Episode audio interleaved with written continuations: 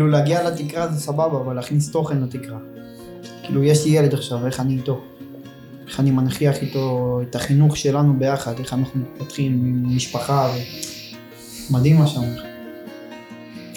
כאילו, כי בסוף אתה לא יכול, אה, עכשיו, עכשיו, אני לדעתי, זה כל הנקודה בעצם של הפודקאסט הזה, שהפודקאסט כולו מדבר בעצם על לרוץ בנחת. עכשיו, מה זה לרוץ בנחת? מה זה לרוץ בנחת? לרוץ בנחת זה בעצם לשים לעצמך vision מאוד מאוד רחוק. אם אתה שואל אותי מה, איפה אני, אני מלטף את כיסא הכבוד. זה ה vision שלי, ככה אני רואה. ואז כשאני ב vision הזה, כשאני במרחק הגדול הזה, קודם כל אין סוף להתקדמות שלי בחיים. אם זה בגוף שלי, אם זה בנפש שלי, אם זה בנשמה שלי. אין סוף. אתה מבין? ואני חושב שהבנחת זה לעצור אותך ולהסביר שאתה בסך הכל אדם. זה הבנחת. לרוץ, זאת אומרת, באמת vision ענק, אבל הבנחת עוצר אותך ואומר לך, שנייה רגע, ילדים, משפחה, הגוף שלך, הנפש שלך, קודמת להכל. זה הנחת. אבל אל תעצור מהריצה.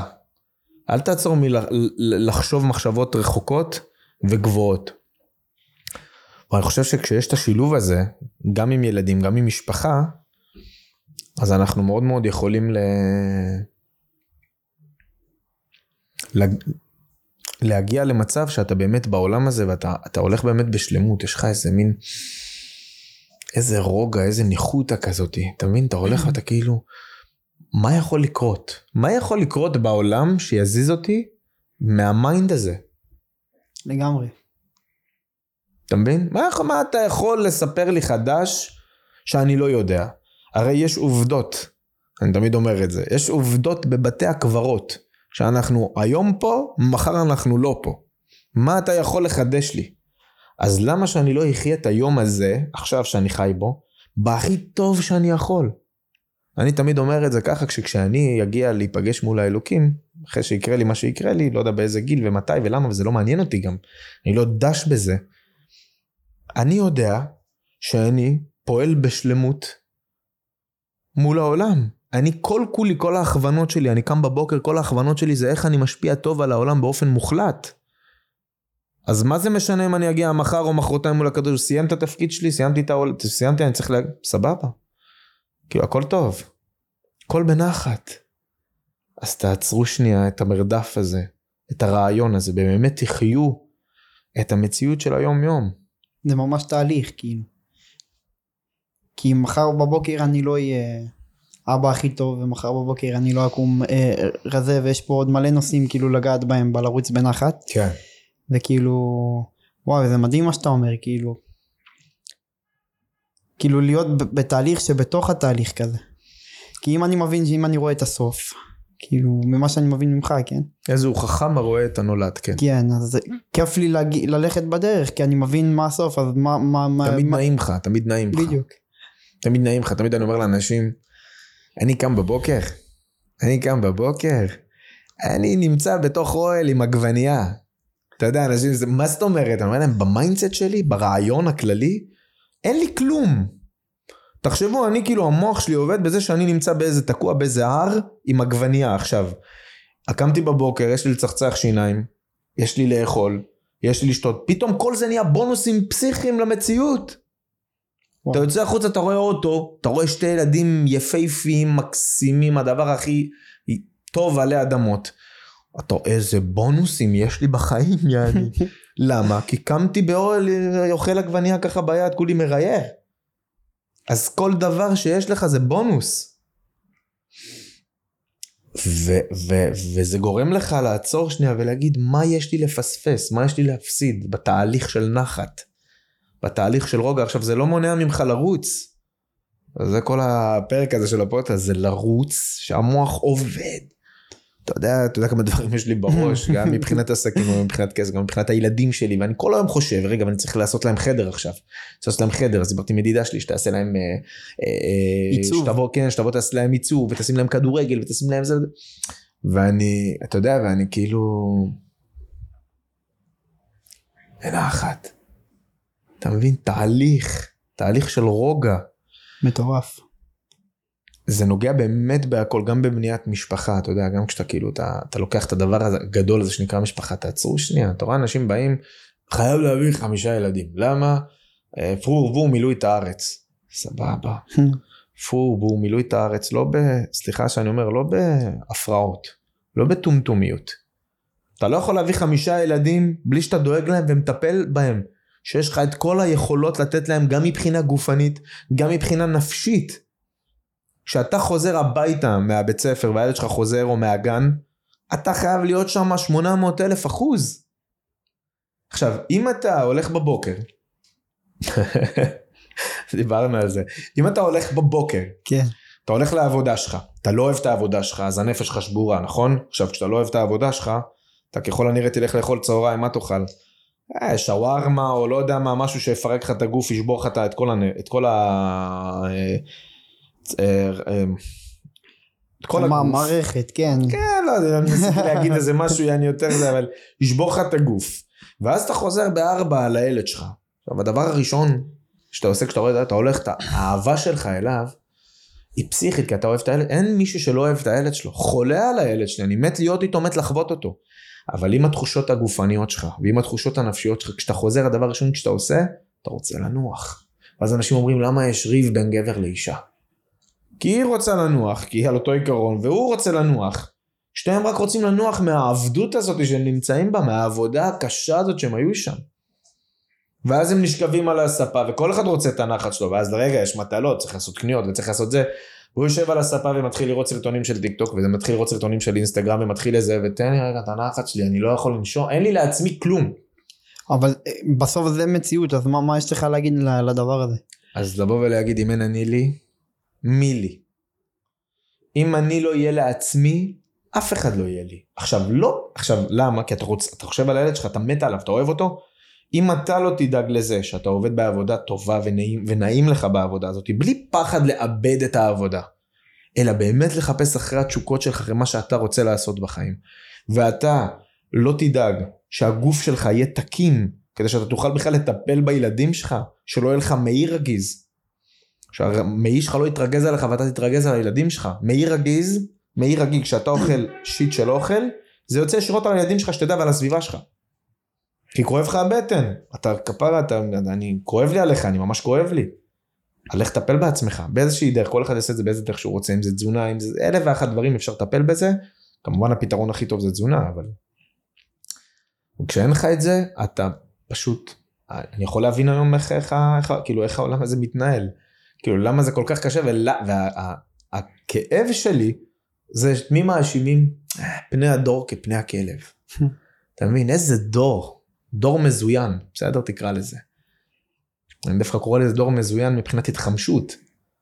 אה, חבר'ה, יש להם תחמושת שאין לאף אחד. הדור הבא שיש לנו, אני תמיד אומר עוד איזה 20 שנה, מרוב שהאור שבעולם יהיה כל כך חזק, ילדים ייוולדו עם אור בעיניים, מרוב שהנשמה תתבטא בהם.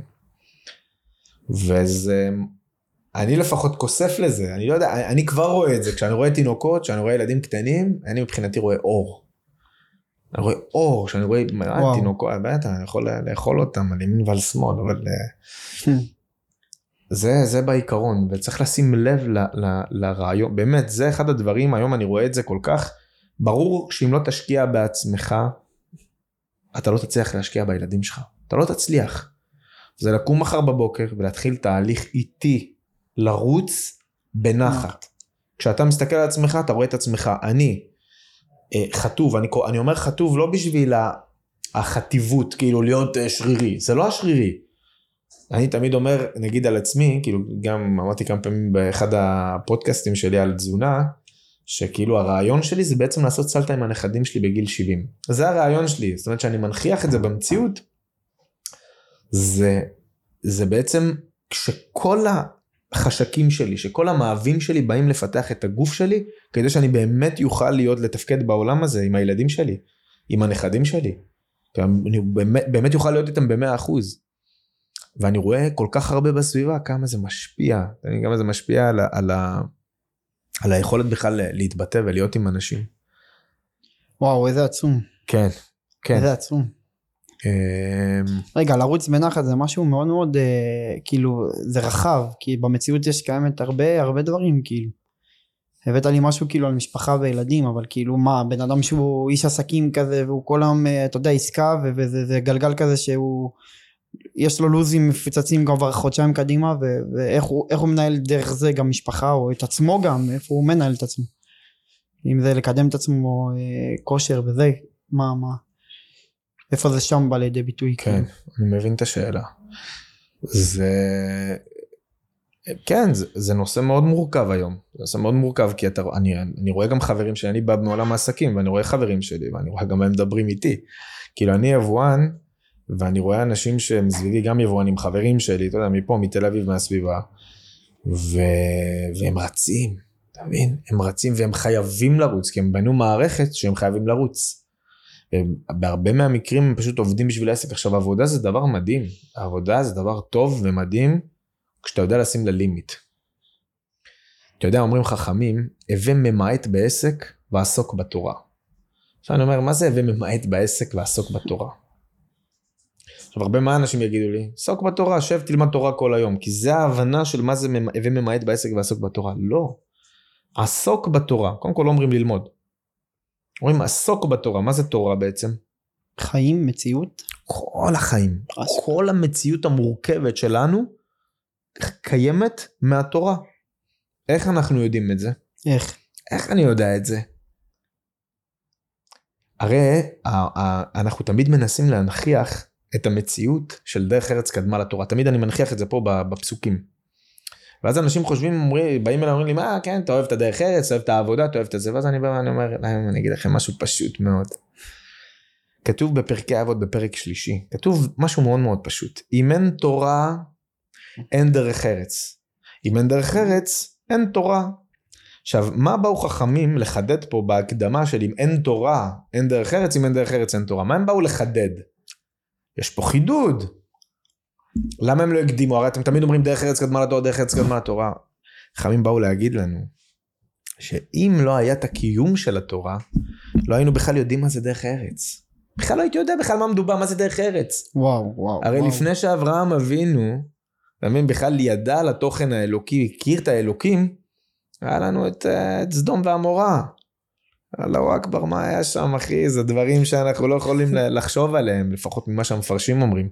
אבל, וגם מה שהכתוב בפשט אומר, דברים הזויים, כל בן אדם שם היה אה, אה, נבהל, לצערי הרב. וחייב להבין את הנקודה הזאתי, שהתורה זה מרכז החיים, אבל לא באיך שאנחנו רואים אותה היום. כאילו כואב לי שאנשים באים ומסתכלים עליך, התורה, אתה נכנס, אתה רואה ישיבה, אנשים לבושים שחור לבן, יושבים ועושים ככה. זה כן התורה, זה לא שזה לא התורה, אני לא מבטל חס ושלום את מה שהם עושים, חס ושלום. וכבר הסברתי בפודקאסטים קודמים כמה כאילו הם מקדמים את המציאות, וכמה בזכותם בכלל נשארה הגחלת של התורה בעולם, ולכן, ו- וכמה אנחנו כאילו צריכים להודות להם, כמו שאנחנו צריכים להודות לכל, אה, לכל החלקים ב, אה, במציאות. אבל התורה היא, היא, היא תורת חיים. אם אנחנו רואים אותה ברוחב, אם אני נגיד, אני מסתכל, אני אומר לך, "תשמע, אני, אתה מסתכל ברוחב, שאתה מסתכל, אתה אומר נגיד, לפני 250 שנה, בסדר, העולם החרדי, ואז 600 שנה יש לנו את השולחן ערוך. ואז אחרי 600 שנה, השולחן ערוך, הרי מאיפה הוא הביא את כל, ה, את כל, את כל, הדבר, את כל השולחן ערוך? מאיפה? הוא הביא את זה מהרמב"ם. Mm. הרי מי הספר הלכות הראשון שנוצר בעולם? הרמב"ם, רבי משה בן מימון. וואו, רמב"ם זה... זה... פרק בפני עצמו. פרק בפני עצמו.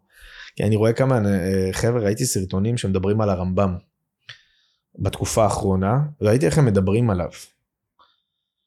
והרמב"ם הוא נפש רחבה ברמה שאי אפשר לתאר. קודם כל, אני לא הכרתי, כתוב דרך אגב על, על, על, על, על הרמב"ם כתוב ממשה עד משה לא קם כמשה, ממשה רבנו עד רבי משה בן מימון, עד הרמב"ם, לא קם כמשה, לא קם כמוהו. מרוב שהוא, אין חידושים כמו הרמב"ם לעולם. וואו. אף, אתה יודע איזה אומץ זה לבוא ולהגיד שנייה רגע, שנייה.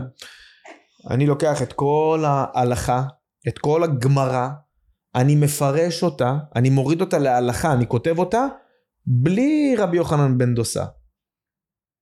בלי רבי ישמעאל, בלי רבי שמעון בר יוחאי, בלי הפירושים מאיפה זה הגיע. עכשיו, כעסו עליו, שרפו את ספריו, לא סתם שרפו את ספריו. למה כעסו עליו? למה אתה כותב הלכה, ואנחנו לא יודעים מאיפה היא הגיעה? מה הוא הבין כמו רבי יהודה הנשיא? רבי יהודה הנשיא הרי כשנחרב בית המקדש הוא כתב את התורה שבעל פה, את המשנה. כתב את המשנה כדי שאנחנו נזכור אותה. מה הוא הבין? מה הוא הבין? מה? שהתורה נשכחת. אותו דבר הרמב"ם אומר לך, מה פתאום? מי עכשיו ילך בשביל לדעת הלכה? הוא ילך לגמרא, יפתח את הגמרא, אה, זה הפוסק הזה, הפוסק הזה אומר ככה, הפוסקים האלה, אה, שתיים כאלה אומרים ככה, אה, סבבה, רגע, ומה מפרשים אומרים? אה, מפרש אומר ככה, מפרש אומר, אה, טוב, אז נעשה את ההלכה ככה. אה, צריך, וואו. בטח, אז מה הרמב"ם אמר? אתה יודע איזה עבודה הזאת עשר שנים? לא הוא צחוק. יושב וכותב לך משנה תורה לרמב"ם.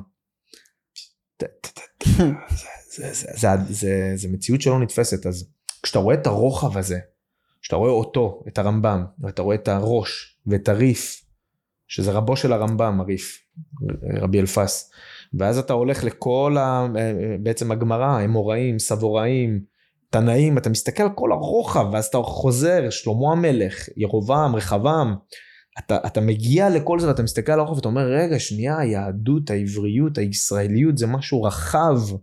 זה לא משהו שעכשיו אני כאילו, ככה צריך להתנהג, ככה עושים. תגידו, אתם, אתם רציניים? אתם, אתם מזיזים את כל העולם. אתם מזיזים את כל העולם עם הפה שלכם. וואו. יש לכם לימוד של 5,000 שנה שאין לאף אחד בעולם. לאומות העולם יש את הגוף, יאמר לזכותם, הם מחזיקים את הגוף. תמיד אני אומר את זה, היפנים, אף אחד לא ייצר חרב סמוראי יותר טובה משלהם, אף אחד לא ייצר בוכנות יותר טובות משל טויוטה, אף אחד. אתה מבין? אף אחד. כי זה הגוף, זה עניין הגוף, אבל מה שיש לעם ישראל בלב, את הביטוי הפנימי של הנפש, אין לאף אחד בעולם. זה היכולת שלנו לקדם ולהביא את העולם לשלמות.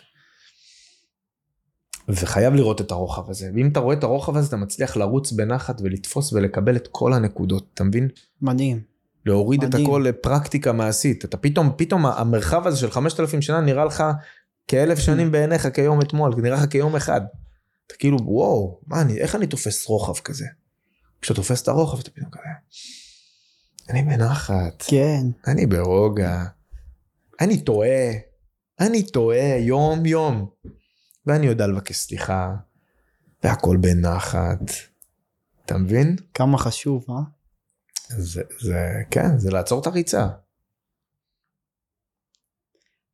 מדהים. מדהים, מדהים, מדהים. אני קצת ב... צריך לאחל, אבל אה, מה לגבי... מה זה מה לגבי? קצת זה, זה לא רשימה, אבל אני באמת שואל, כאילו, ב, ביום יום, מתעניין, זה כאילו. אה, בסוף אה, זה גם איפה, בן אדם שהוא מרגיש מתהלך בעולם לבד, או שהוא, נגיד עכשיו, המציאות שעכשיו קיימת מהשביעי לעשירי, אנשים מרגישים כאילו חסרי ביטחון, ואולי קצת לחץ מהמצב הזה, ו, ואנשים מתהלכים אולי בקצת יותר... אה, איפה, איפה אתה בא להגיד להם נחת? כאילו, באמת, אני באמת שואל, או שבן אדם עכשיו, שהאימא שהבן שלה אה, נהרג כן. במלחמה, או בן אדם שחווה טראומה מה- מהקיבוץ שלו, ו... כן. סתם משהו מעניין אותי כי זה קשור גם למציאות שלנו עכשיו. איך כן. אתה רואה את ה... אני חושב שזה זה, זה מאוד רחב, מאוד רחב, הלבד הזה, ה, ה... תראה, לרוץ בנחת במקרה עכשיו של נגיד טראומה כלשהי, כי אני חושב שטראומה יושבת על הרבה דברים, זה לא משהו שיושב עכשיו, זה לא כאילו, זה לא בן אדם שעכשיו יש לו טראומה ממשהו, זה, זה, זה טראומה שבאה על גבי נפש שהיא לא טובה לכתחילה, זאת אומרת יש לה בעיות לכתחילה, ואז הגיעה הטראומה ואז היא עוד יותר יושבת עליה, כן, אתה מבין? כן. זאת אומרת, וצריך לדעתי, בן אדם שקודם כל שיש לו טראומה עכשיו, נגיד סתם כדוגמה, והוא ראה דברים מחרידים, אז לחזור אחורה, זה הנחת, זה בדיוק היופי. לחזור אחורה, אחורה לשורשים. לפני הטראומה, לא לגעת בטראומה. לא לגעת בה, לא לדבר עליה, זה לא מעניין. קודם כל לפתור את הבעיות הנפשיות הפנימיות שהיו לפני כן. דברים שישבו לפני כן. עכשיו, אי אפשר לפתור את זה אם אתה לא בנחת. אם אתה לא אומר, שנייה רגע, אני לא ממהר לשום מקום, אני לא יודע מה יהיה איתי מחר. מצד אחד אני כן יודע מה יהיה איתי מחר מבחינת, אני מדבר מבחינת פרנסה וזה, לא להיות עכשיו איזה, על, על איזה קוקוס, אני מתכוון מבחינת המחשבה, להירגע, ללכת לישון בלילה בנעימות. אתה מבין? ללכת לישון בכיף ולהגיד, טוב, מחר בבוקר אני קם, אנחנו ממשיכים בתהליך. מדהים. אתה מבין? וכאילו, ואם אם אתה מצליח ככה ואז אתה מצליח להתרפא מזה, אני חושב שאפילו מתישהו אם הנפש שלך מקבלת את ה... את מה שהיא צריכה, כאילו את הפתרונות של, ה... של הבעיות שלה, הטראומה הזאת תיעלם, זה לא משנה מה ראית. זה באמת לא משנה. זה לא משנה איזה טראומה הייתה לך. וואו. בטח. אתה יודע ממי אני יודע את זה? ממי? מאורין ג'ולי. וואלה. כן, התארחתי אצלה בפודקאסט, ושמעתי אותה איך היא מדברת. ואני רואה על העיניים שלה את התבונה שהיא הבינה את זה. שהיא הבינה שבשביל לצאת מה, מה אתה יודע, מה, מה, מה, מהמקום הזה של אה, טראומה ומה קרה לי ומה החוויה שלי, היא פשוט הלכה אחורה וריפאה את עצמה, את כל הנקודות שלה, וזה גרם לה לבנות גוף ונפש שיכולות בעצם להכיל את הטראומה ולהגיד כאילו הטראומה כאילו היא לא נמצאת כאילו אני שם אותה אפילו בצד היא, היא פה היא תמיד מול היא. שלי אני יכולה לספר אותה גם בואו נספר לכם את הטראומה שלי וואו. אתה מבין כן. וזה זה מדהים בעיניי זה מוערך בעיניי בטירוף. אמ, איזה מטורף. כן אז אני חוזר שנייה לאיש עסקים, כאילו בריבוי משימות, אז כאילו מה זאת אומרת, איפה הוא, כאילו, מה זאת אומרת לא לחזור אחורה, אם יש לו לו"ז עכשיו אה, אה, תפוס חודשיים קדימה ולא חסר אנשים כאלה, כאילו ביום שלנו עכשיו. אז כן, כאילו, שהם בנו להם כאילו עולם שלם שהוא כאילו סביב הדבר הזה. המרתון אה, הזה, כן. תשמע עוד פעם זה, זה הבניה חברתית והבניה אישית. זה שתי דברים ביחד זה מחובר. זאת אומרת אוקיי, הבניה חברתית אנחנו מדברים יותר על המדינה על הממשלה שלנו. זאת אומרת זה, זה, זה, זה ההנהגה שלנו היום. זה מה שהיא מתווה. אנחנו מדינה קפיטליסטית זאת אומרת ברמת העיקרון מאוד אפילו. אה, לצערי כאילו אנחנו גם סוציאליסטים אבל אנחנו לא כאילו אנחנו לא זה ולא זה כאילו בסוף. וקפיטליסטי זה מאוד כאילו רק החזק שורד. מצד שני אתה רוצה סוציאליסטי כי אתה רוצה לדאוג כביכול לחלשים. אז Mm. יש, סוצ... יש סוציאליזם אבל אם אתה שואל אותי אני אני אני תמיד מדבר בנקודה של אה, פגיעה במטרה מה זה אומר אני מבחינתי אם בקריית גת יש 3,000 משפחות מצוקה והיום זה בהרבה יותר אני מדבר איתך על נתון מלפני כמה עשרות שנים שהייתי שם שהיה לנו שם ארגון חסד אז אז אנחנו כושלים אז יש פה כישלון בסוציאליזם. למה? כי אנחנו לא מרוממים את, את האחים שלנו מלמטה. אז יש קפיטליזם, ואנחנו מצליחים לרומם את הכלכלה הישראלית, ואנחנו מצליחים זה, ואנחנו בונים בניינים ענקיים. על, אתה יודע על מי אנחנו בונים את הבניינים האלה? על נשמות של ילדים. זה הכאב לב הכי גדול שיש לי בעולם. כי בסוף, אתה בונה בניין ענק, במקום תעצור את הבניין הזה, תעצור שנייה, תעצרו את כל הגודל הזה, בוא נבנה בניין ל... ב- בנפשות, וואו, בגוף. בטח. וואו, אתה יודע איזה אוכל ילדים אוכלים היום? אתה יודע איזה אוכל אוכלים היום בהזנות בבתי ספר? בתוך פלסטיק מעוך, מחומם, מחומם, כן. מלא רטבים שאתה לא יודע מה, כמה מונוסודיום גלוטומט, כמה זבלה של, של מלחים ו... מה? זה מה שהילדים שלי או שלנו אוכלים, אני קורא להם שלנו כי זה, כל הילדים הם שלי מבחינתי. הילדים הם שלי. כשאני רואה כל ילד וילד שאני רואה בעם ישראל וגם לא בעם ישראל, לא משנה, אני מדבר על עם ישראל כי זה כרגע העם שלי וזה אליו אני הכי קרוב ורק איתו אני יכול ביחד עם השותפות שלו, אנחנו יכולים ביחד לרומם את המציאות. אבל אני, אני, מה שווה לי לבנות בניין ענק שיש בו מלא מלא חנויות ואת מי זה מעניין? זה יכול לעניין בצד החיצוני, ברור, בסדר, אני לא אמרתי שלא יהיה חנויות. כן. אני רק אומר, קחו את כל התקציבים המטורפים, חבר'ה, חינוך. אתה יודע, זה נותן לי לגעת בפסוק שהוא מה זה חשוב לי, ואני מה זה רוצה להבהיר אותו במציאות. זה פסוק מחכמים שהם אומרים, ואני לא סתם אומר את זה, כי אני בא לומר על הנקודות של אנשים ש, ש, שמחפשים כבוד. אם זה ראשי ממשלות, ואם זה פוליטיקאים, ואם זה אנשים שיש להם בעלי עסקים, הנה אנחנו נחזור אחרי זה לאנשי עסקים, שהם מלאים בכבוד הזה, ויש יש אמרה של חכמים שאומרת, אם למדת תורה הרבה, אל תחזיק טובה לעצמך, כי לכך נוצרת. ואני תמיד לוקח את זה, ואני לוקח את זה לכולם. ואני אתחיל בראשון. אם אתה ראש ממשלת ישראל, אל תחזיק טובה לעצמך, כי לכך נוצרת. אם אתה איש עסקים מצליח וענק, בסדר? יש לך מיליון רכבים ואלפי יאכטות, בסדר? אל תחזיק טובה לעצמך, כי לכך נוצרת. אז קח את הדברים, קחו את כל הדברים שלכם שנוצרתם בשבילהם, ואתם באמת מצליחים, ותשתמשו בהם לקדם את המציאות. תבין שלא סתם נוצרת, לא סתם נוצר, נוצרת להיות מי שאתה. תפסיק, תחזיקו טובה לעצמכם, אני ראש הממשלה, כי אני חכם, ובסדר, אתה חכם. ועדיין יש לך הרבה פאשלות, כולנו יודעים. אני לא מדבר על אחד ספציפי, אני מדבר על כולם, גם לי יש פאשלות, גם אני בן אדם, אני חי מפאשלות. וזה פסוק שהייתי חייב להנכיח אותו במציאות, כי זה בדיוק הנקודה הזאת. אל תחזיקו טובה לעצמכם. תתחילו לעצור, לרדת לקרקע, ועוד פעם, אני תמיד אומר את זה בכל פודקאסט שלי, ילדים. ילדים זה מרכז החיים שלנו. ילדים זה הדבר הכי חשוב שיכול להיות באנושות. אם אנחנו לא נשקיע בילדים, איך אתם רוצים לראות עתיד ב... פה בעולם כאילו אנחנו גם רואים את העולם היום איפה הוא נמצא בבלבלות שלו. כן. כן. אתה רואה כמה ילדים כאילו מצד אחד הם חכמים בטירוף מצד שני הם טיפשים בטירוף לא בקטע טיפשי אלא בקטע שכאילו אין לי ברירה מה אתה רוצה? כאילו מה יש לי כל היום מול הפנים? טיק טוק וכל מיני שוקולדים ומקדונלדסים וכאילו אתה זה זה ההוואי היום שיש בסביבה. זה המציאות. יודע אני אני אני שומע אותך ואני כאילו אני רוצה לשתף על קצה המזלג. אני גדלתי בפנימייה ובסוף בחינוך שזה דבר כל כך אה, משמעותי שאני בתור ילד כזה שבתת מודע ששידר לי המדריך הוא לא סוגר את החודש עכשיו לא בקטע שאני זה אבל בגלל אולי הבניינים שאתה מדבר עליהם וכאילו לעצור רגע ולהיות נוכח עם, ה, עם, ה, עם הילד ולא איזה סדר לו"ז כזה לגרום לילד להיות עייף ואז ללכת לישון במקום להקשיב לו במהלך היום ובאמת לקדם אותו. אבל זה הכי קל.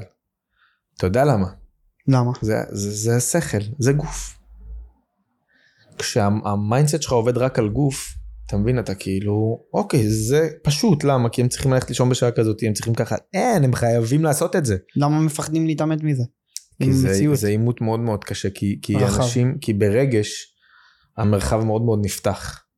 כשבן אדם מביע רגש, פתאום המרחב נפתח, פתאום כאילו יש, הוא יכול, הוא יכול לפגוע בך. אתה מבין? אבל כשמדריך הוא פתאום הופך להיות שכל, כאילו הבנת? כן. תעשה ככה, תעשה ככה, אז הוא כאילו, נתק אותי אחי, לא רוצה להיפגש איתך בכל מה שקשור ללב.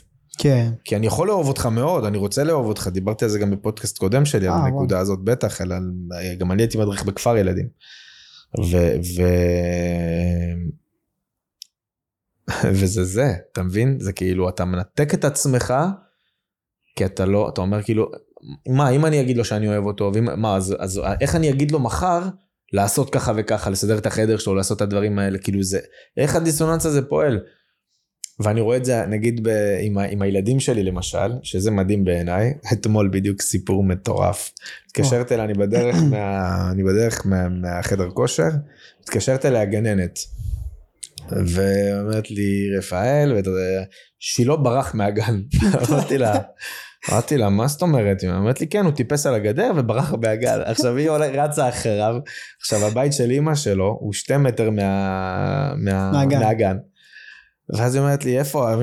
עכשיו אני בטלפון ואני מסביר לה איפה הבית, והסברתי לה וזה, תקשיב. והיא מתקתקת, ואני אומר לה, טוב, פתחי את הדלת, מה זה? אני מנסה לפתוח את הדלת, הדלת נעולה, ואז היא מתקתקת לו את זה, ואז אומר לה, היא אומרת לו, שילה, ואז אני שומע אותו, אני לא פותח לה. תקשיב, אני עושה לה, אני עושה, טוב, שים לי אותו רגע על רמקול. אז, אז אני שם לו רמקול ואני עושה לו, שילה, שילה, מה? הוא עונה לי דרך הדלת, יעני, אתה מבין? כאילו, ואני עושה לו, מה החיים שלי? מה, מה קורה? אני לא רוצה לחזור לגן המעצבן הזה. אני אומר לו, טוב, קודם כל בוא נתחיל עם זה שאתה פותח, אתה יודע, עכשיו אתה מדבר איתו. אתה יודע, אני מדבר עם הילד שלי.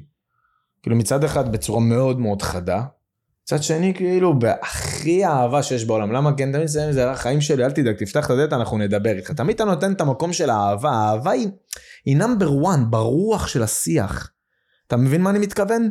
זאת אומרת, כן, אתה יכול-. אני תקיף אחי ברמות, אני, והוא פותח את הדלת, פתאום הוא מנסה לפתח את הדלת, ואז היא אומרת לו, רגע, תפתח לכיוון שמאל, וכאילו, ואני שומע את הדלת, נפתח, תקשיב, ופתאום התחלתי לי, פיפי, אני עם עצמי, אני נקרע מצחוק, יעני, על זה שהוא בכלל, איך אתה מעז, יעני? הוא פותח את הדלת, תקשיב, הוא- ואז על הוא מסתכל. עליה, עכשיו, היא מתה לחזור לגן, כי היא גננת מחליפה, היא מתה לחזור לגן, אני כבר רואה את הכל, אני שומע אותה בזה. ואז הוא מסתכל, הוא יוצא החוצה, ואז אני אומר לו, מסביר לו איך לבקש ממנה סליחה, ואיך ללכת איתו בדרך, והכל בצורה ש... שיהיה נעים. ואז הוא בא אליה, אומר לה, טוב, תביא לי את הטלפון, אני רוצה שנשמע שירים בדרך. אז אני, ואני שומע את זה, ואני אומר כאילו, תגיד, ואז אני עוצר, ואני אומר כזה, תעצרי שנייה, לידו מולו, בלייב. את לא נותנת לו, אה, הוא לא שומע שיר עכשיו, את הוא ילך איתך לגן. למה, למה זה חשוב? שהוא יבין שלא הכל קודם כל מתנהל לפי איך שהוא רוצה, הוא עדיין, כאילו, זה לא, הוא לא יכול לברוח ולקבל פרס. פרס. אז קודם כל הוא ילך איתך לגן יפה יפה, יד ביד, הוא יבקש ממך סליחה והוא יבקש מהילד שהוא פגע בו סליחה, ואולי, ואולי אם תחליטי לתת לו לשמוע שיר, אולי, אולי תתני לו. ואז הוא אומר לי, טוב אבא. וואו. ואני, בטח, וואו. ואז אתה מבין, ואז אתה משיג את כל ה... אבל כל זה לא יכול לקרות אם אין שיח של אהבה, ביני לבינו. שאני שר... הבנת? אני, כל המהות של החיים שלי, זה ההצלחה של הילדים שלי. אין לי משהו אחר בעולם הזה. ההצלחה של הילדים שלי, אני מעביר את הלפיד שבוער בתוכי לילדים שלי, אין לי משהו אחר. כן. אז ההצלחה שלי זה הצלחה שלהם.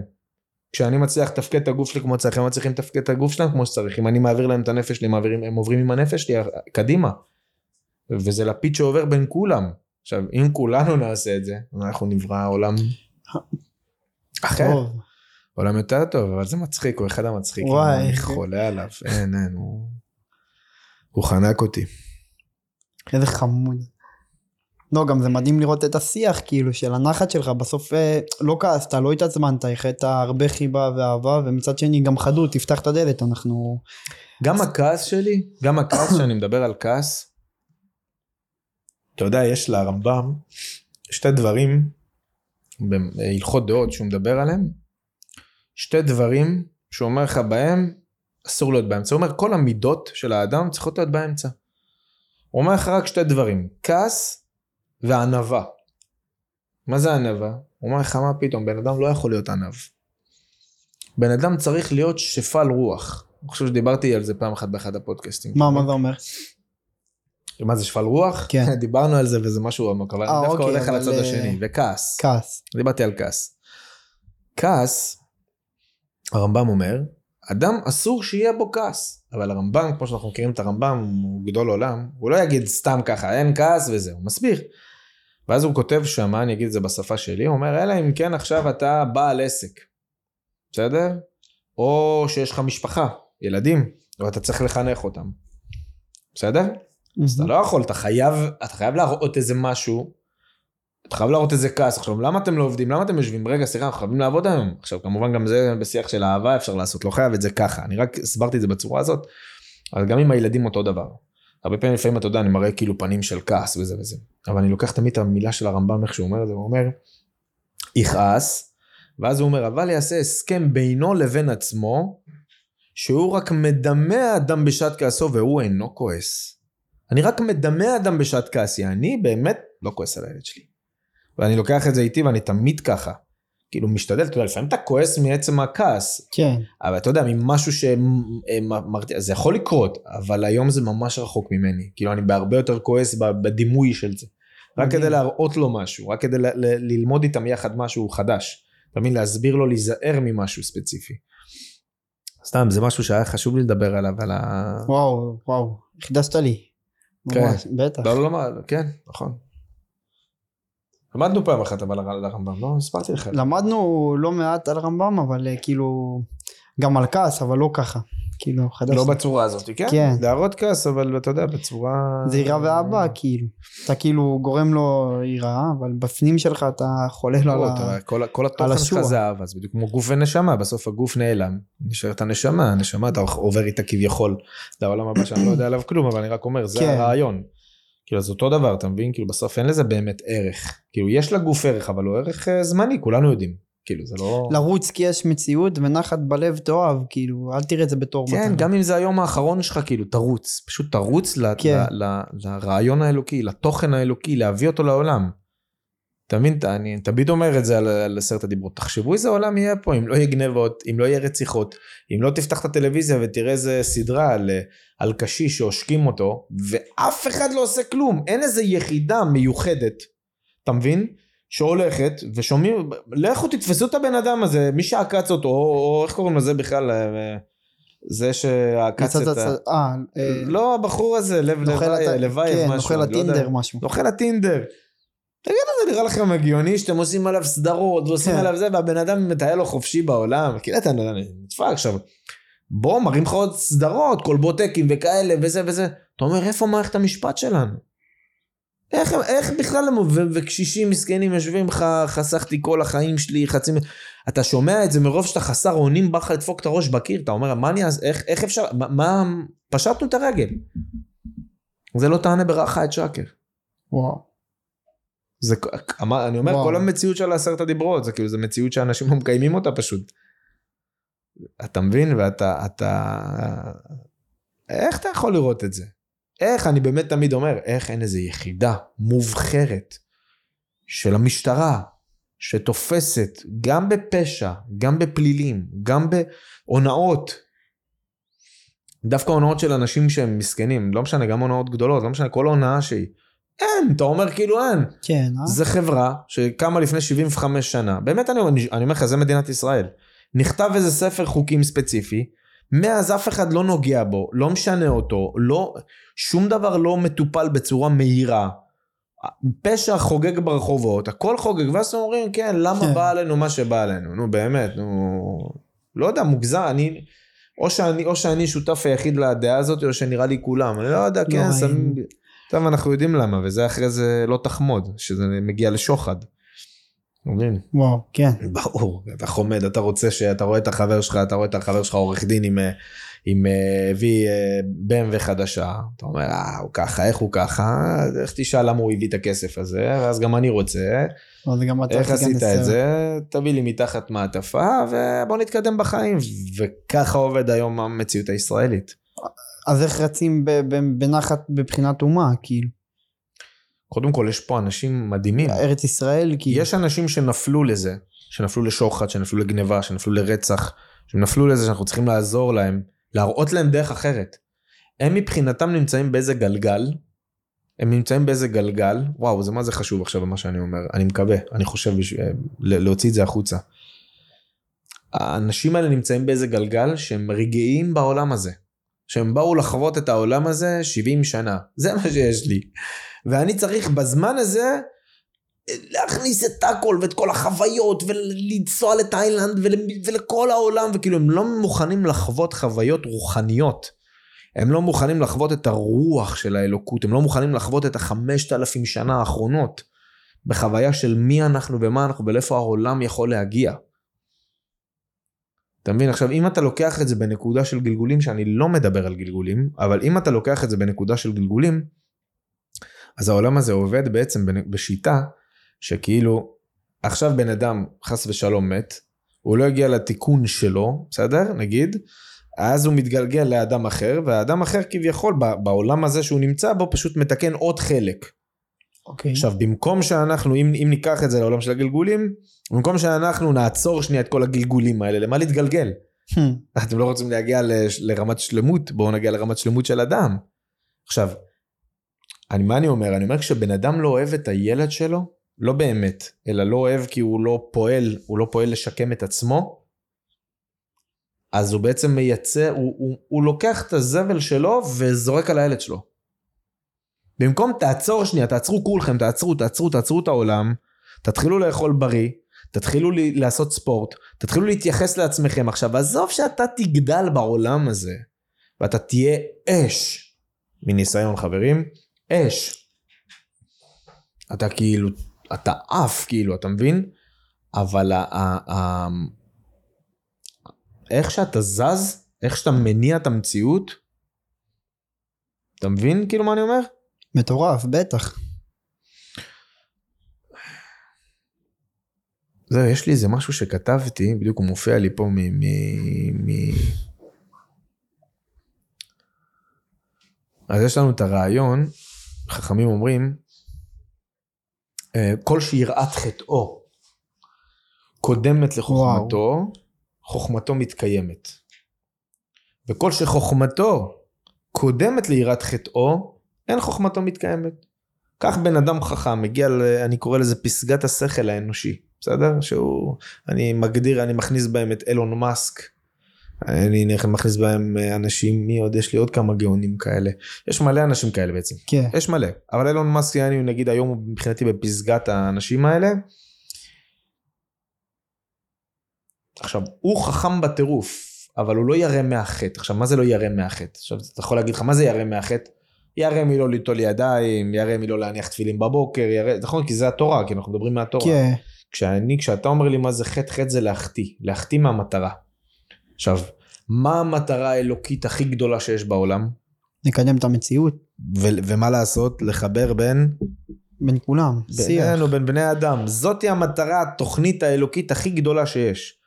אז אם אתה רוצה להעלות כביכול איפשהו בעולם חיוך אצל האלוקות, אני סתם מנסה רק לדמות את זה, אני לא חושב שבאמת אני יכול לדמות, אבל רק אם אתה תתנהג טוב אחד לשני, אתה, אתה יכול לקפוץ אלף פעמים סלטות עם תפילין, עם ציציות, מה שאתה לא רוצה. חיוך אתה לא תעלה. אתה יכול בכוונה, הכוונה שלך תהיה טובה, זה מעולה. אבל אם הכוונות שלך יהיו טובות ואתה לא באמת תפעל החוצה, אתה לא תצא לבנק ותיתן כבוד לאנשים שנמצאים מולך, לא תיתן כבוד להורים שלך ולא... זה לא שווה כלום. ולכן כל, ש, כל שחוכמתו קודמת ליראת חטאו, זה אומר שבן אדם הוא חכם, הוא הגיע לפסגת השכל האנושי, אבל הוא לא אכפת לו מ... הוא לא ירא מהחטא, הוא לא ירא מלהחטיא ולדרוך על אנשים, כביכול, באיזשהו אופן. לא באמת, אני לא חושב שבאמת זה מה שהם. אבל הוא לא ירא מזה. לעומת זאת, אם בן אדם זאתי המציאות שלו, הוא חכם, הוא באמת חכם, אבל כל מה שמניע אותו זה יראה מהחטא. כל מה שמניע אותו במציאות זה להיזהר מלהחטיא ולפגוע בבני אדם. שזה הדבר הכי חשוב שיש לאלוקות בעולם, השלום בינינו. וואו. זה כל מה שהוא דורש מאיתנו. אבל זה הנקודת התחלה של הבן אדם, כאילו כמו שאמרת, איך, אה, אה, איך אתה, לא יכול לתת אם לך אין, אז כאילו תן לעצמך.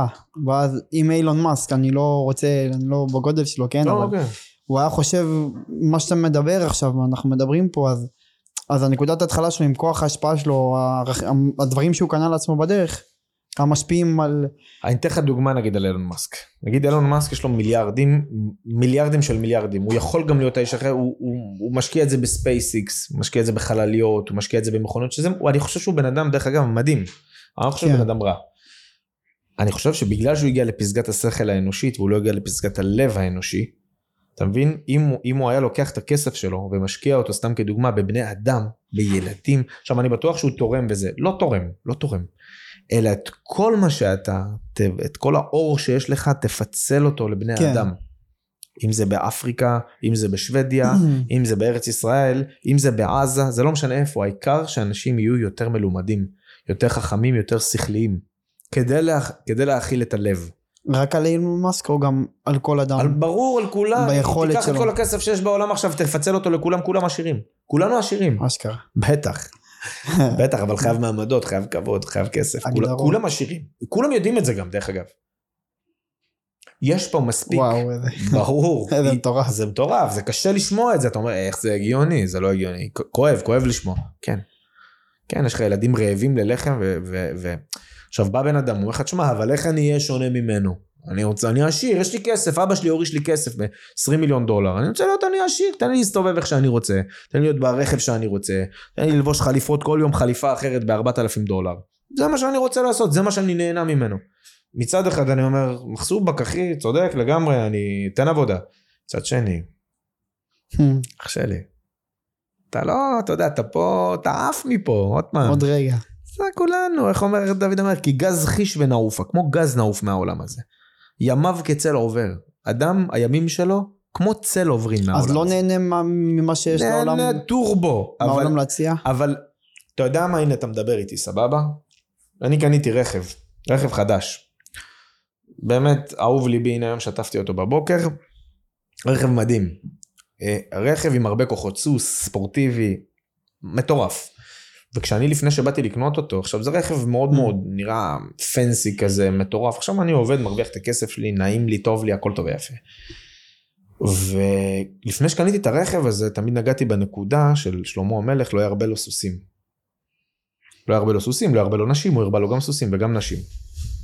ותמיד נגעתי בנקודה הזאת, ואיזה ידידה שלי שהתייעצתי איתה, ודנו בזה, היא, היא גם, היא מאוד תורנית, אז אנחנו מדברים על תורה וזה וזה, ואז אמרתי, אני חייב להתייעץ איתך על זה.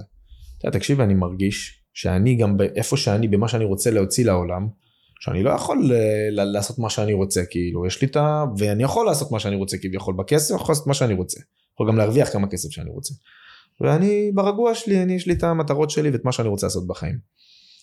ו...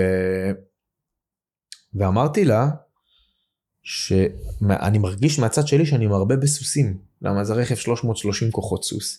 וואו. ואתה, כן, ואתה אומר כאילו, זה- ומה, אני, אני כאילו מרבה בסוסים, ואז היא באה ודנה איתי, והיא עושה לי, תקשיב, אבל אתה יודע מה? אני חושבת שזה קצת שונה. אומר לה, למה? היא אומרת לי, אני חושבת שפה מדובר על כמות של סוסים. באמת, אם היית קונה את הרכב הזה, והיית שם עוד רכב בחנייה, והיית שם עוד רכב שם, ועוד רכב פה, ועוד רכב זה, וסתם רכבים יושבים ואתה בכלל לא נוסע עליהם, למה? רק ליופי, שיראו שיש לי עוד והדר וכבוד וזה, זה להרבות בסוסים. אבל כוח סוס, גם שיהיה לך אלף כוח סוס, שתטוס עם חללית לשמיים. אשכרה. בטח, זה לא כוחות סוס. איזה יפה מה שהיא אמרה. מדהים, מדהימה, ואני החשיבות שלי זה הדיון הזה מתוך התורה. תבין, מתוך הרעיון התורני, אני כאילו, תבין, תבין במה אני, מה אני נאחז, כל פעם אני נאחז בדברים מהתורה. אז כי- בפת הלחם תאכל או אה, מים תשתה או על אדמת הארץ אה, תישן כאילו מה זה מה? פת במלח תאכל, או מים במסורה תשתה. כן לא, זה כתוב ככה, כתוב, חכמים אומרים ככה. אז כאילו איפה זה בא לידי ביטוי עם ה... כאילו זה אפשר אז רגע, רק בוא נגיד את זה, כי אנחנו מדברים אה, לאנש- סליחה. לאנשים. זה שאני ואתה מכירים את הפסוק הזה, זה נחמד. יש חכמים אומרים, אה,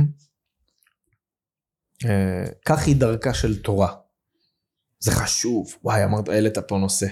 כך היא דרכה של תורה. פת במלח תאכל, ומים במסורה, מסורה זה סוג של כוס כזאת מלוכלכת. כיכר ארוכה מים במסורה תשתה, ועל הארץ תישן, וחיי צער תחיה. אם אתה עושה כן, אשריך וטוב לך. זה מדהים מה שאתה אמרת, זה נוגע בול לנקודה הזאת שאני מדבר עליה. זה נוגע בול לנקודה. יפה, יפה, וואלה, אפילו אני לא כתבתי את זה בנקודות שלי. אז מה זה אומר? איך זה הגיוני שכך היא דרכה של תורה? זאתי דרכה של תורה, פת במלח תאכל.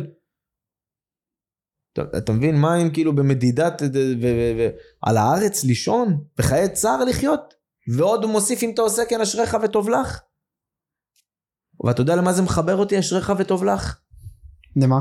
יש לנו במסכת ברכות כתוב גדול יגיע הכפיים מירא שמיים. שנאמר על יגיע הכפיים יגיע כפיך כי תאכל אשריך וטוב לך. ועל ירא שמיים מה נאמר? אשרי האיש ירא שמיים. שתיהם כתוב אשרי אבל מה כתוב? מה ההפרש בינו לבינו מה ההפרש בין יגיע כפיים לירא שמיים וטוב לך וטוב הסוף. לך ופתאום פה אתה אומר לי ו... וטוב לך יעני על כל המציאות הזאת? איך זה הגיוני? איך זה הגיוני? אתה מבין? אז יש לי על זה יש לי על זה גרסה אני זה- אשמח כי זה- לשמוע כי זה, כי, זה, כי, זה, כי זה הבניה נפשית. אני תמיד מספר את זה בנקודה של אם עכשיו תיקח סתם כדוגמה אדם, בוא ניקח אדם, בוא נדמה, אדם עשיר. בסדר? שיש לו... אה, אה, הוא קם בבוקר, הטבח שלו, יש לו טבח משלו, מכין לו איזה 27 כיכרות לחם, מה שאתה לא רוצה, עם בצל מקורמלות, עם זיתים, עם, עם אה, פטוצ'י, מה שאתה לא רוצה, יש לו לחמים, איזה סוגים שהוא, שהוא רוצה. ואז הוא יוצא החוצה לבריכה שלו, יש לו בריכות, יש לו שמה, תקשיב, שתייה, מה שאתה לא רוצה, אלכוהול, וויסקי, מה שאתה, איזה, איזה סוג של שתייה שאתה רוצה, יש לו שם במקררים, עם גלידות, עם מה שאתה לא רוצה. ואז הוא עולה לישון, והוא עולה למעלה לקינג סייז שלו, יש לו מיטה באיזה 800 אלף דולר, אחי, מיטה, אתה יודע, נעימה כזאת, כיפית. אתה יודע, שעושה לו מסאז' בגב, שמפנקת אותו ונעימה לו, והכי מרפא שיש, הרופאים הכי טובים עבדו על המיטה הזאת. והוא חי חיים, תקשיב, הוא נהנה מהעולם, בצורה שאי אפשר לתאר. עכשיו, כל מה שדימיתי זה ההפך מפת במלך תאכל ומה במסורת תשתה ועל הארץ ישן וחיי צער תחיה. אבל אם בן אדם חי את כל הדברים האלה, והוא רואה את ההבראה שלו מתוך הדבר הזה, הוא רואה את הבריאות גוף שלו, הוא רואה את הבריאות הנפש שלו, אבל זה לא מונע ממנו להשפיע על העולם, זאת אומרת ב mindset שלו, כשהוא אוכל את הלחם הזה מבחינתו הוא אוכל פת במלח, זה לא משנה שיש פה 26 סוגי לחמים. כשהוא יוצא ורואה את כל השתייה שיש לו, מבחינתו אוכל מים, הוא שותה מים במשורה. כשהוא עולה למעלה למיטה, הוא מבחינתו יושב ב king size וזה, הוא על הארץ ישן, יש לו את התוכניות שלו לעולם, יש לו איך לקדם את המציאות של העולם. נקודת התחלה שלו הרבה יותר נכונה לתת לעולם, כי הוא נותן לעצמו. ברור. קודם כל וואו, אתה נותן וואו. לעצמך, וואו, אתה ממלא את עצמך, אבל עצמך לא שווה כלום. מדהים. בטח. כאילו זה לא, אני לא מרפא את עצמי כי אני אני, אני מלך ישראל, אני ראש הממשלה, אני לא, אני כלום. אני כלי לתוכן האלוקי, זה הכל. כי הגדול הגיע כפיים, אני שנייה חוזר לזה, כי זה. מקשר בול. ומה זאת אומרת כאילו גדול הגיע כפיים ירא שמיים? אם, אם הוא הגיע כבר למיטה כזאת, אז כנראה הוא עובד, הוא פועל במציאות. אבל, אבל הוא מתהלך בנקודת התחלה בעולם. יפה. איך גדול באמת יגיע כפיים כן, ירא שמיים? אבל הוא כי בתוך יגיע כפיים נמצא ירא שמיים. בגלל זה הוא יותר גדול ממנו. מטורף. למה? למה?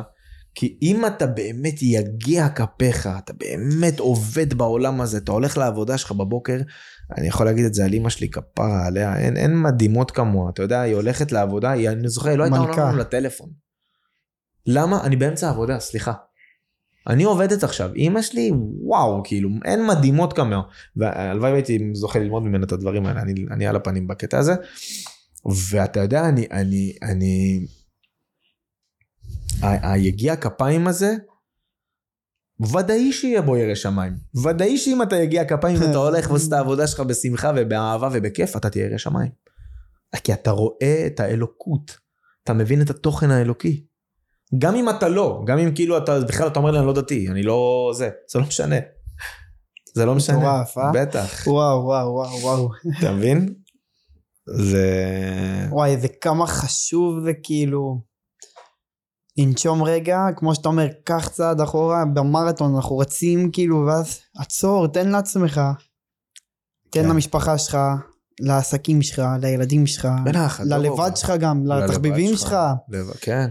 לסביבה שלך ואז ככה אתה מרומם את המשפחה שלך את הילדים שלך את עצמך את עם ישראל באופן טבעי כאילו, וואו הראש וואו הראש שלך תמיד בריצה. וואו בר... תמיד הראש שלך בריצה, יש מת... קודם כל יש מטרה, וואו תדעו.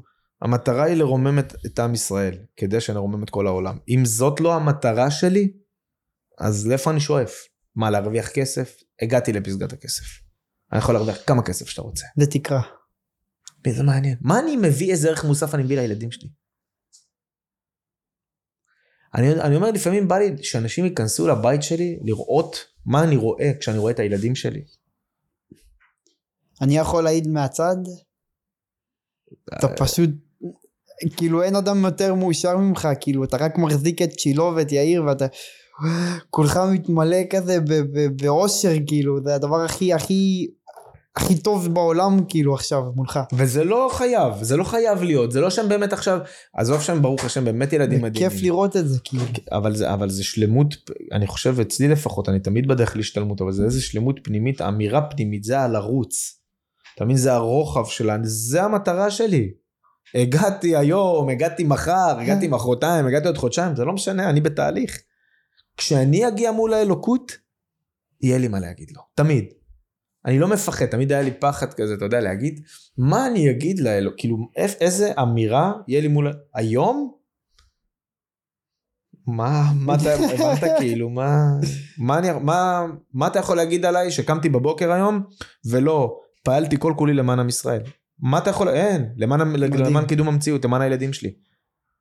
אין לי שום דבר שזז בראש לא לכיוון כאילו זה. יש לי את הדברים שלי הפרטיים האישיים שלי כמובן אני כאילו באמת אני שואל אותך באופן אישי כאילו אתה אדם שהוא איש עסקים מאוד גדול וכאילו יש לך בטח אה, ריבוי משימות מ- מטורף וכאילו איך אתה איך אתה בתור רפאל אני כאילו איך רפאל עוצר שנייה את היום? בפרקטיקה ביום יום שלו כאילו. כן. כאילו איך אתה מצליח לשלב את הנחת הזה ביום שלך כי יש אה, מאמין אה, ביבוא סחורה להביא ל, ל, ל, לחנויות או למסכים או אה, יש לך דברים שלך בחיים ויש לך גם ילדים ויש לך גם את החיים שלך, קהילה, חברים, כאילו אתה משלב כל כך המון דברים ואתה הכל בנחת, כאילו ממי שצופה ממך מהצד, שכיף כן. א' כל לראות את זה, אבל סתם אני רוצה ללמוד ממך.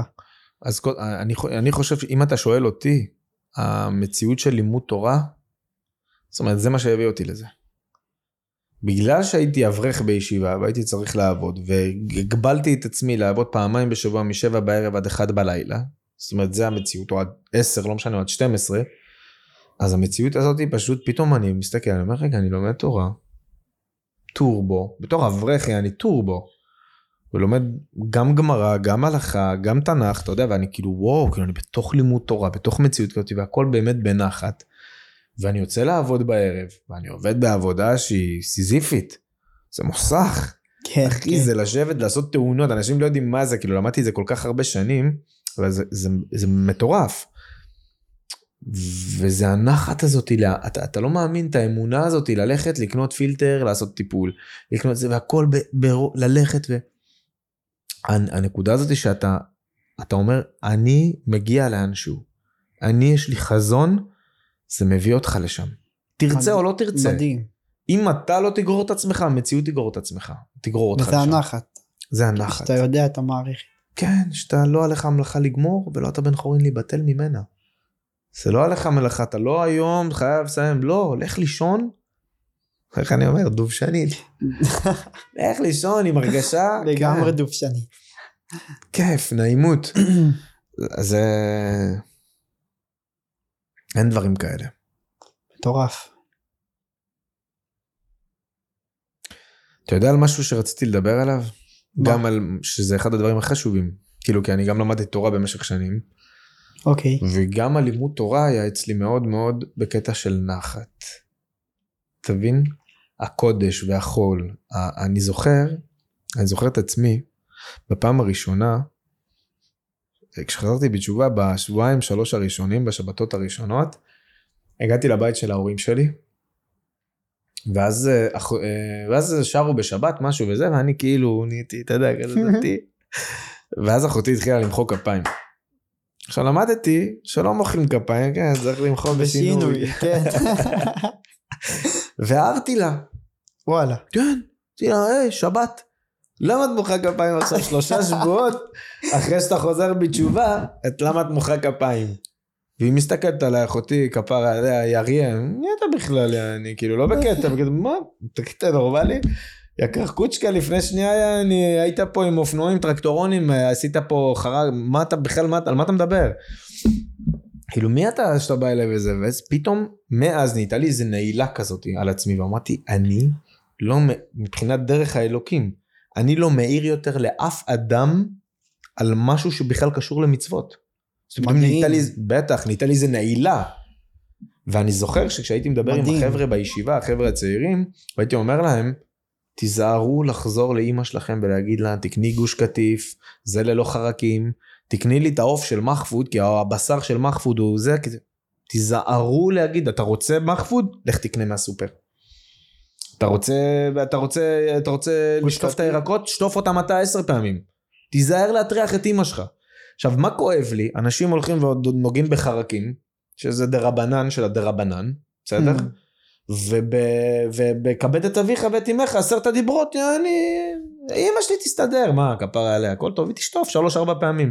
עזוב שהיא בישלה את כל השבת, עשתה פרנות, הלך וואו, לאגב, וואו. נשבר לה הרגליים, שטפה את כל הזה, לא, היא גם תשטוף לך שלוש פעמים את הכוסברה ואת השמיר. אתה מבין איזה כאב לב? בטח. זה, זה הכאב לב שלי שלא מסתכל, ואני אומר שאני מדקדק מדהים שאתה רואה את זה ככה. באמת אני אומר. כי, זה, כי, כי, כי הבנת, אבל זאתי התורה, זאתי התורה אשר ציווה משה, אתה מבין? זאתי התורה שקיבלנו בהר סיני, כן, זה ללמוד ממך את הדברים. האלה. אתה מבין? וכאילו שבו ותקראו אותה בפשטות, תבינו את זה ככה.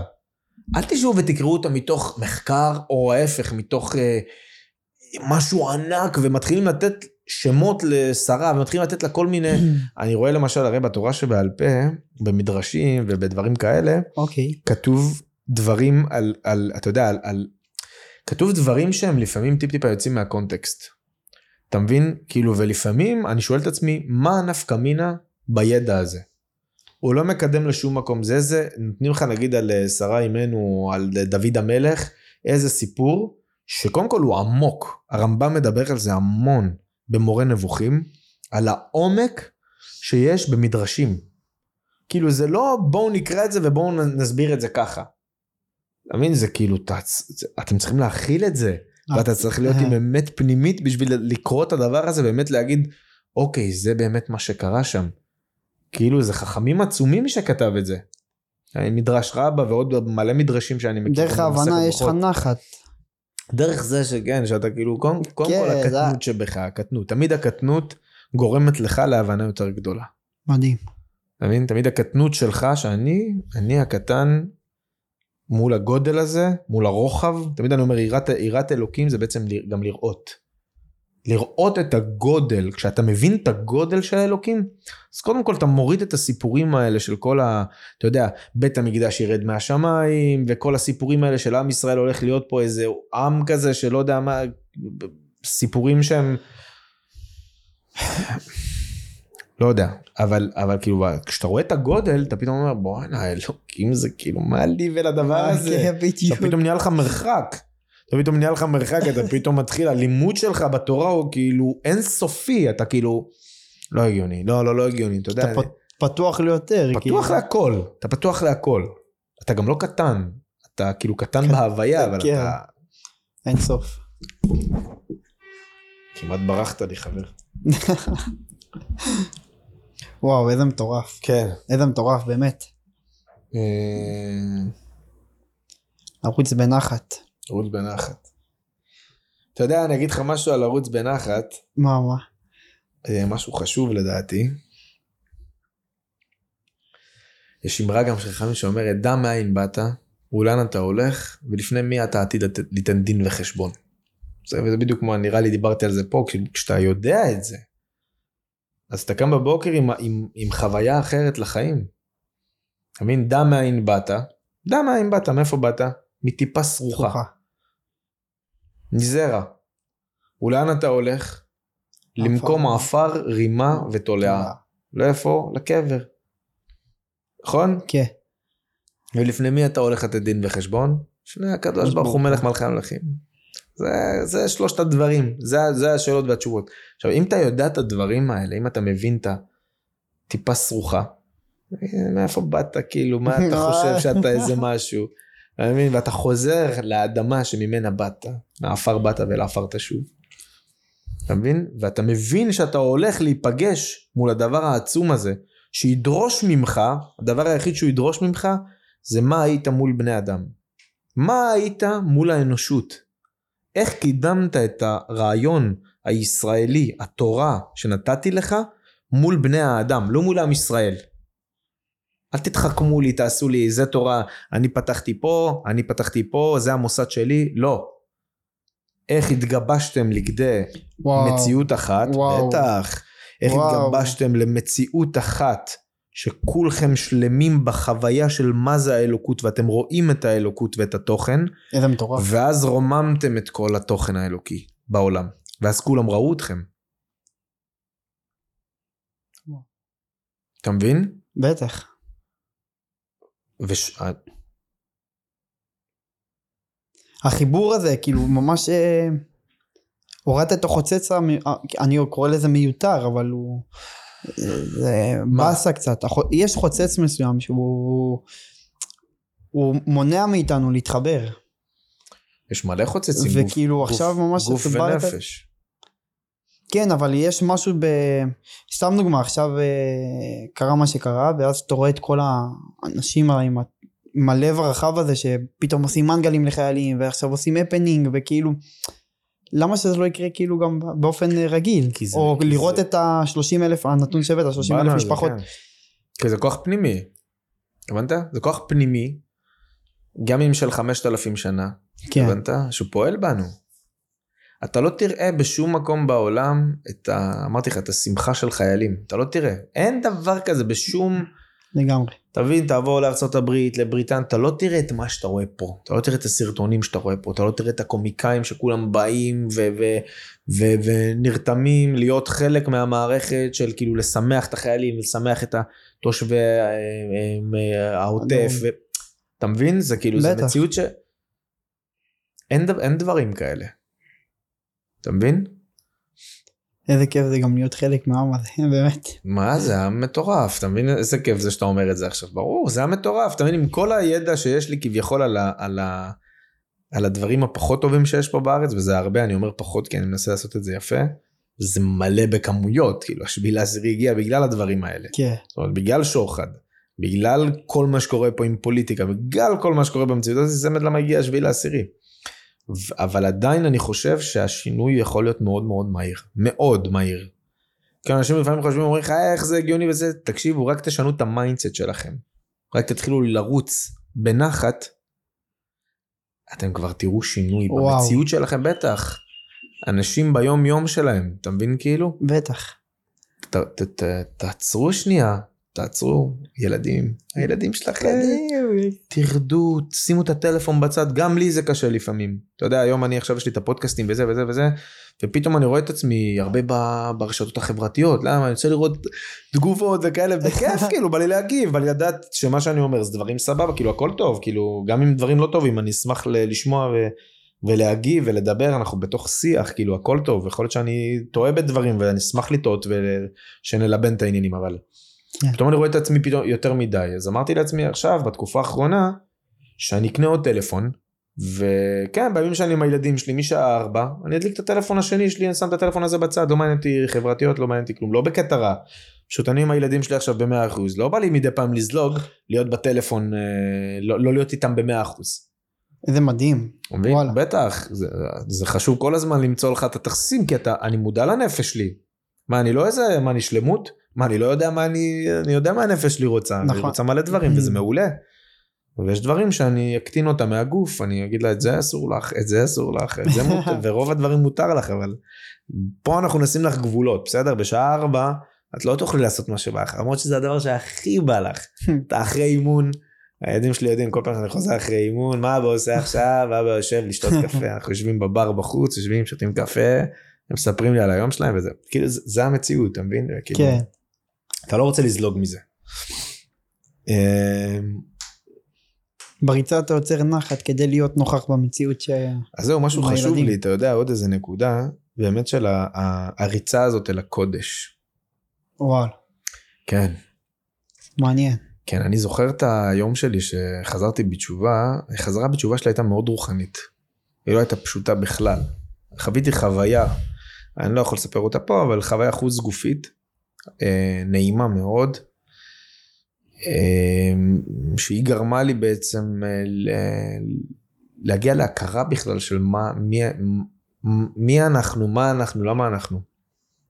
אבל אני זוכר שבחזרה בתשובה שלי, שהיא הייתה עצומה מבחינת רוח, עצומה, הייתה לי איזו אמירה פנימית כזאת שאני לא בוחר שום דבר, לא חרדי, לא דת, לא שמתי כיפה כזאת, לא זה, אני זוכר שעוד הייתי, היה לי איזה אה, חולצות קרועות וג'ינסים קרועים, והייתי הולך, והייתי הולך עם רוח פנימית פסיכית, מבחינת הכל, אתה יודע, הייתי מתפלל, והייתי זה, ויש לי מלא סיפ... כאילו ממש. אבל אני לא בוחר, אני לא חרדי. חרדי ידעתי מההתחלה שאני לא אהיה, כי זה... וגם חילוני לא, אבל כאילו... יש איזו אמרה מצחיקה שאומרת... כאילו להיות מוגדר לאיזה משהו. כן, שחרדי וחילוני, שתיהם מתחילים בחטא תרתי משמע. אוקיי. סבבה? ו... ותמיד, אז, אז בנקודה שלי חזרתי, אז כשחזרתי אמרתי כאילו קיבלתי משהו עצום, עצום, אני יודע בדיוק מה קיבלתי, ואני רץ בנחת. וואו. בטח. כי אני, מה, איך, איך אני אשיג אותו? עד היום אני לא יודע איך אני משיג בכלל את הדבר הזה. עד היום, כשרק מדי פעם שאני מקבל ליטופים, אבל כשאתה אתה, אתה אומר כאילו, תשמע, אתה אין לך סוף, כאילו, כמה שמחה הכנסת לי לחיים, כמה אושר, כמה בסיס.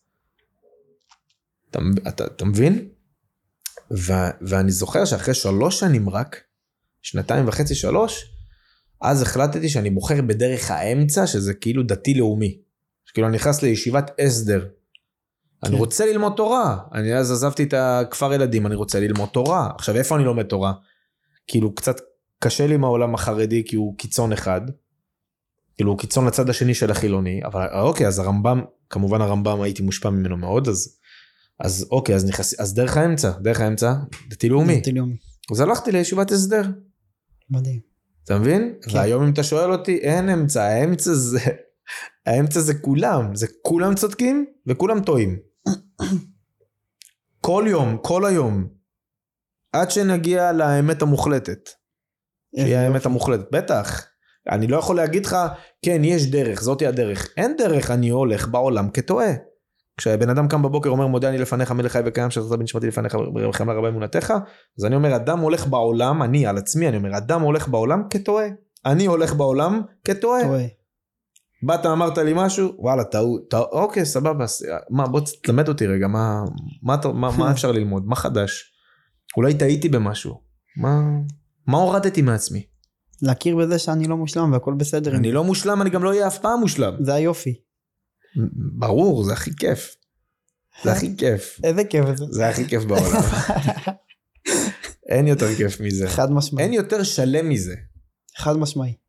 להכיר בחסרון שלך כחיסרון תמידי עד יום השלמתך אבל כאילו גם זה לא מוריד מזה שוואלה אני לא יודע, וואלה אני לא יכול, וואלה עשיתי פדיחה, אתה צודק, בוא. נדבר על זה כאילו, כן. בהכי פשוט. אני חושב שאנשים הכי אוהבים את הדברים המביכים. באיזשהו אופן. אבל שבן אדם יודע לצאת מדבר מביך. כאילו זה מביך. בואו כן. תשמעו זה הביך אותי.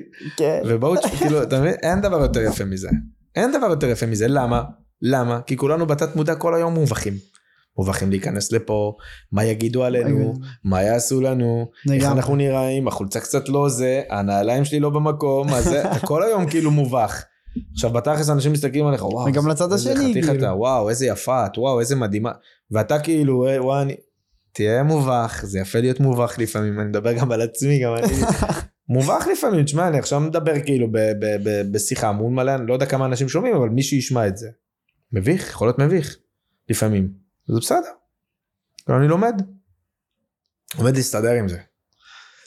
אתה חתיך אש אחי ואתה כיף לשמוע אותך אתה יודע, והכל שלך נשמה לא. רואים אותך אבל גם אתה לא לא, אני... ז'ונגלר לא קטן. אה, יש לי עוד איזה נקודה שרציתי לגעת בה באמת הנקודה של הקודש לחזור אליה. הלימוד תורה ש... בלימוד תורה צריך להיות המון המון הכנעה פנימית ל... לא לסיים. לא לסיים. אלא ללמוד ציפורת, ליהנות ממנה, לחוות אותה, וגם את גורם ההשתייכות, שהוא לא פחות חשוב, גורם ההשתייכות אליך, שאתה משתייך לדבר הזה. שאתה אומר, רגע, אני קורא את התורה שירדה לעם ישראל אחרי שהם יצאו ממצרים. ברגע שנהיה לך את ההשתייכות הזאת לחמשת אלפים שנה, אתה פתאום כאילו, אתה קודם כל ירא כבוד לדבר הזה. ואתה קורא אותו בענווה, ואין דבר כזה, אה, אה, אה, זה לא נכון, מה שכתב האלוקים לא נכון, מה... אתה מבין? כאילו, תקראו, תשתקו, תחוו, ואם באמת יש דברים, אני מוכן לקבל מכל אחד דבר אחד בתורה שהוא חושב שהוא לא נכון. וזה בסדר גמור, אני מוכן לש- לדון על זה באהבה.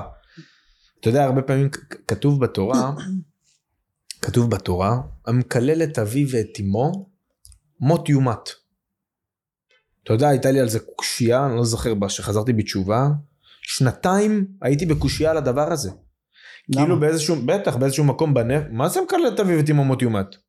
מה זה מות יומת? תגיד לי, מה אנחנו, ב... מה, מה זה, מה אנחנו נאצים? סליחה על הביטוי, אל אבל... תרצח כאילו. אה? לא קשור, לא, לא, בסדר. יש חוקים, עבר על החוקים, מה זה מות יומת? גם זה חד כזה. כן, כאילו מות יומת? ואז אני אומר, לקח לי שנתיים להגיע להבנה הזאתי, אבל ההבנה שלי אומרת דבר כזה, התורה, התורה היא חיה. התורה היא הנשמה הכי גדולה שיש וכולנו מחוברים אליה. התורה היא עבר, הווה ועתיד. עכשיו כשאני, כשאתה בא ואתה אומר לי, אה, המקלל את אביו ואת אמו מות יומת, מה אני מסתכל? עוד, עוד 40 שנה. או, או אצלי לפחות במציאות שלי, כשאני- מה שאני רואה, עוד חודשיים. איך שאני רואה את העולם עוד חודשיים. וכשהעולם משתנה ויגיע למצב של שלמות, מי כתב את התורה? הרי האלוקים מביא לנו את התורה. אתה מבין איזשהו, כש, כש, בכתיבה הזאתי זה משהו אלוקי. זה רמת מוסר אלוקית, זה לא רמת מוסר אנושית. עכשיו אני אומר, כשהאדם יגיע להבנה בהרבה יותר גבוהה ממה שהוא נמצא, מבחינה אלוקית, מבחינת, מבחינת התורה שהוא קורא, אנחנו לא נוכל לסבול את זה, לשמוע בכלל שאבא מקלל את ה... שילד מקלל את אבא שלו, את אמא שלו. אה, וואו. בטח, מבחינת תוכן. אבל, אבל אם אתה, האם אני יכול לכפות את זה היום על המציאות? ברור שלא. חוק, זה חוק בתורה שאני לא יכול לכפות את זה על המציאות היום. אני גם, אני חושב שזה לא יקרה. אני חושב שזה סוג של אזהרה. זאת אומרת, זה סוג של אזהרה, אני חושב שזה לא יקרה כמו, ש, כמו שבית דין סנהדרין לא הוציאו 70 שנה, לא הרגו אף אחד. זה לא באמת שהרגו מישהו, כן. הוציאו להורג. לא בסקילה, לא בחלק, לא בהריגה, לא בחנק, לא בכלום, אבל הרעיון הזה של כאילו, אתם מבינים מה זה אימא ואבא? אתה יודע מה זה אימא ואבא? מה נראה לכם זה סתם כתוב בעשרת הדיברות כבד את אביך ואת אמך למען איכון ימיך? כאילו, אתה מבין אז כאילו אז המקלל את אביו ואת אמו מות יומת אני רואה את זה בתור משהו עתידני. שכאילו יום יבוא אנחנו לא האוכלוסייה אנחנו לא נוכל לסבול בכלל מציאות של מה אתם נורמלי אתה נורמלי? אתה יודע מה אמא שלך ואבא שלך הביאו לך? לא אבל הם עשו לי ככה והם עשו לי איך לישון על האף? מי נתן לך למה מה נתנו לך לעשות קקי על הרצפה? מי החליף לך טיטולים? מי השקע אותך? מי, מי קינח את האף? מי, מי ניגב לך את התחת במשך שנים? על מה אתה מדבר בכלל? מי דואג לך? מי חומל עליך? מי אוהב אותך ככה? אז לא, אבל הם עשו לי ככה והם עשו לי ככה. אה, להם אין הבניות נפשיות שלהם, הם לא עברו דברים בחיים. למה איפה הם היו עושים פעם מקלחת? באיזה צריף. היום יש לך מקלחת, מים חמים, דוד, הכל סבבה. מה ההורים שלך עשו אה, שירותים בחוץ, על מה אתה מדבר בכלל? זה, זה, זה נושא, אתה מבין? עכשיו, לא, לא, אני נתתי לנקודה הזאתי, שלא תשנא את אחיך בלבבך, ש... זה חשוב לקרוא את התורה, תקרא אותה, אבל ממקום מאוד מאוד מאוד רגוע. כאילו מאוד מאוד שלב, כאילו ממקום של כאילו תירגע, אל תבוא ישר בביקורת, מה, לא זה היה צריך לשנות, מה איך אלוקים כותב דבר כזה, מה, מה משה איך הוא עשה את זה ככה, שתוק שתוק, תירגע.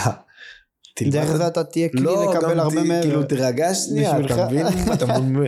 אם אתה תבין את הגודל של האלוקים, ואתה תבין שבאמת זאתי התורה שהוא הנכיח למציאות, ואתה תקרא את זה ובענווה, לא ממקום של אני ואני ואני, אלא ממקום של ענווה, אז אתה צריך לקרוא את זה. מדהים. זהו, נראה לי אנחנו נסיים את הפרק, למרות שיש פה איזה כמה נקודות שלא נגענו בהן, אבל זה גם חשוב. זה היה לי ממש נעים איתך. הערכה. בחור נעים מאוד. תודה רבה. כיף לי איתך. היה לי כיף ממש.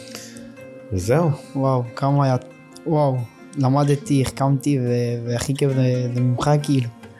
תודה. אחלה שיח.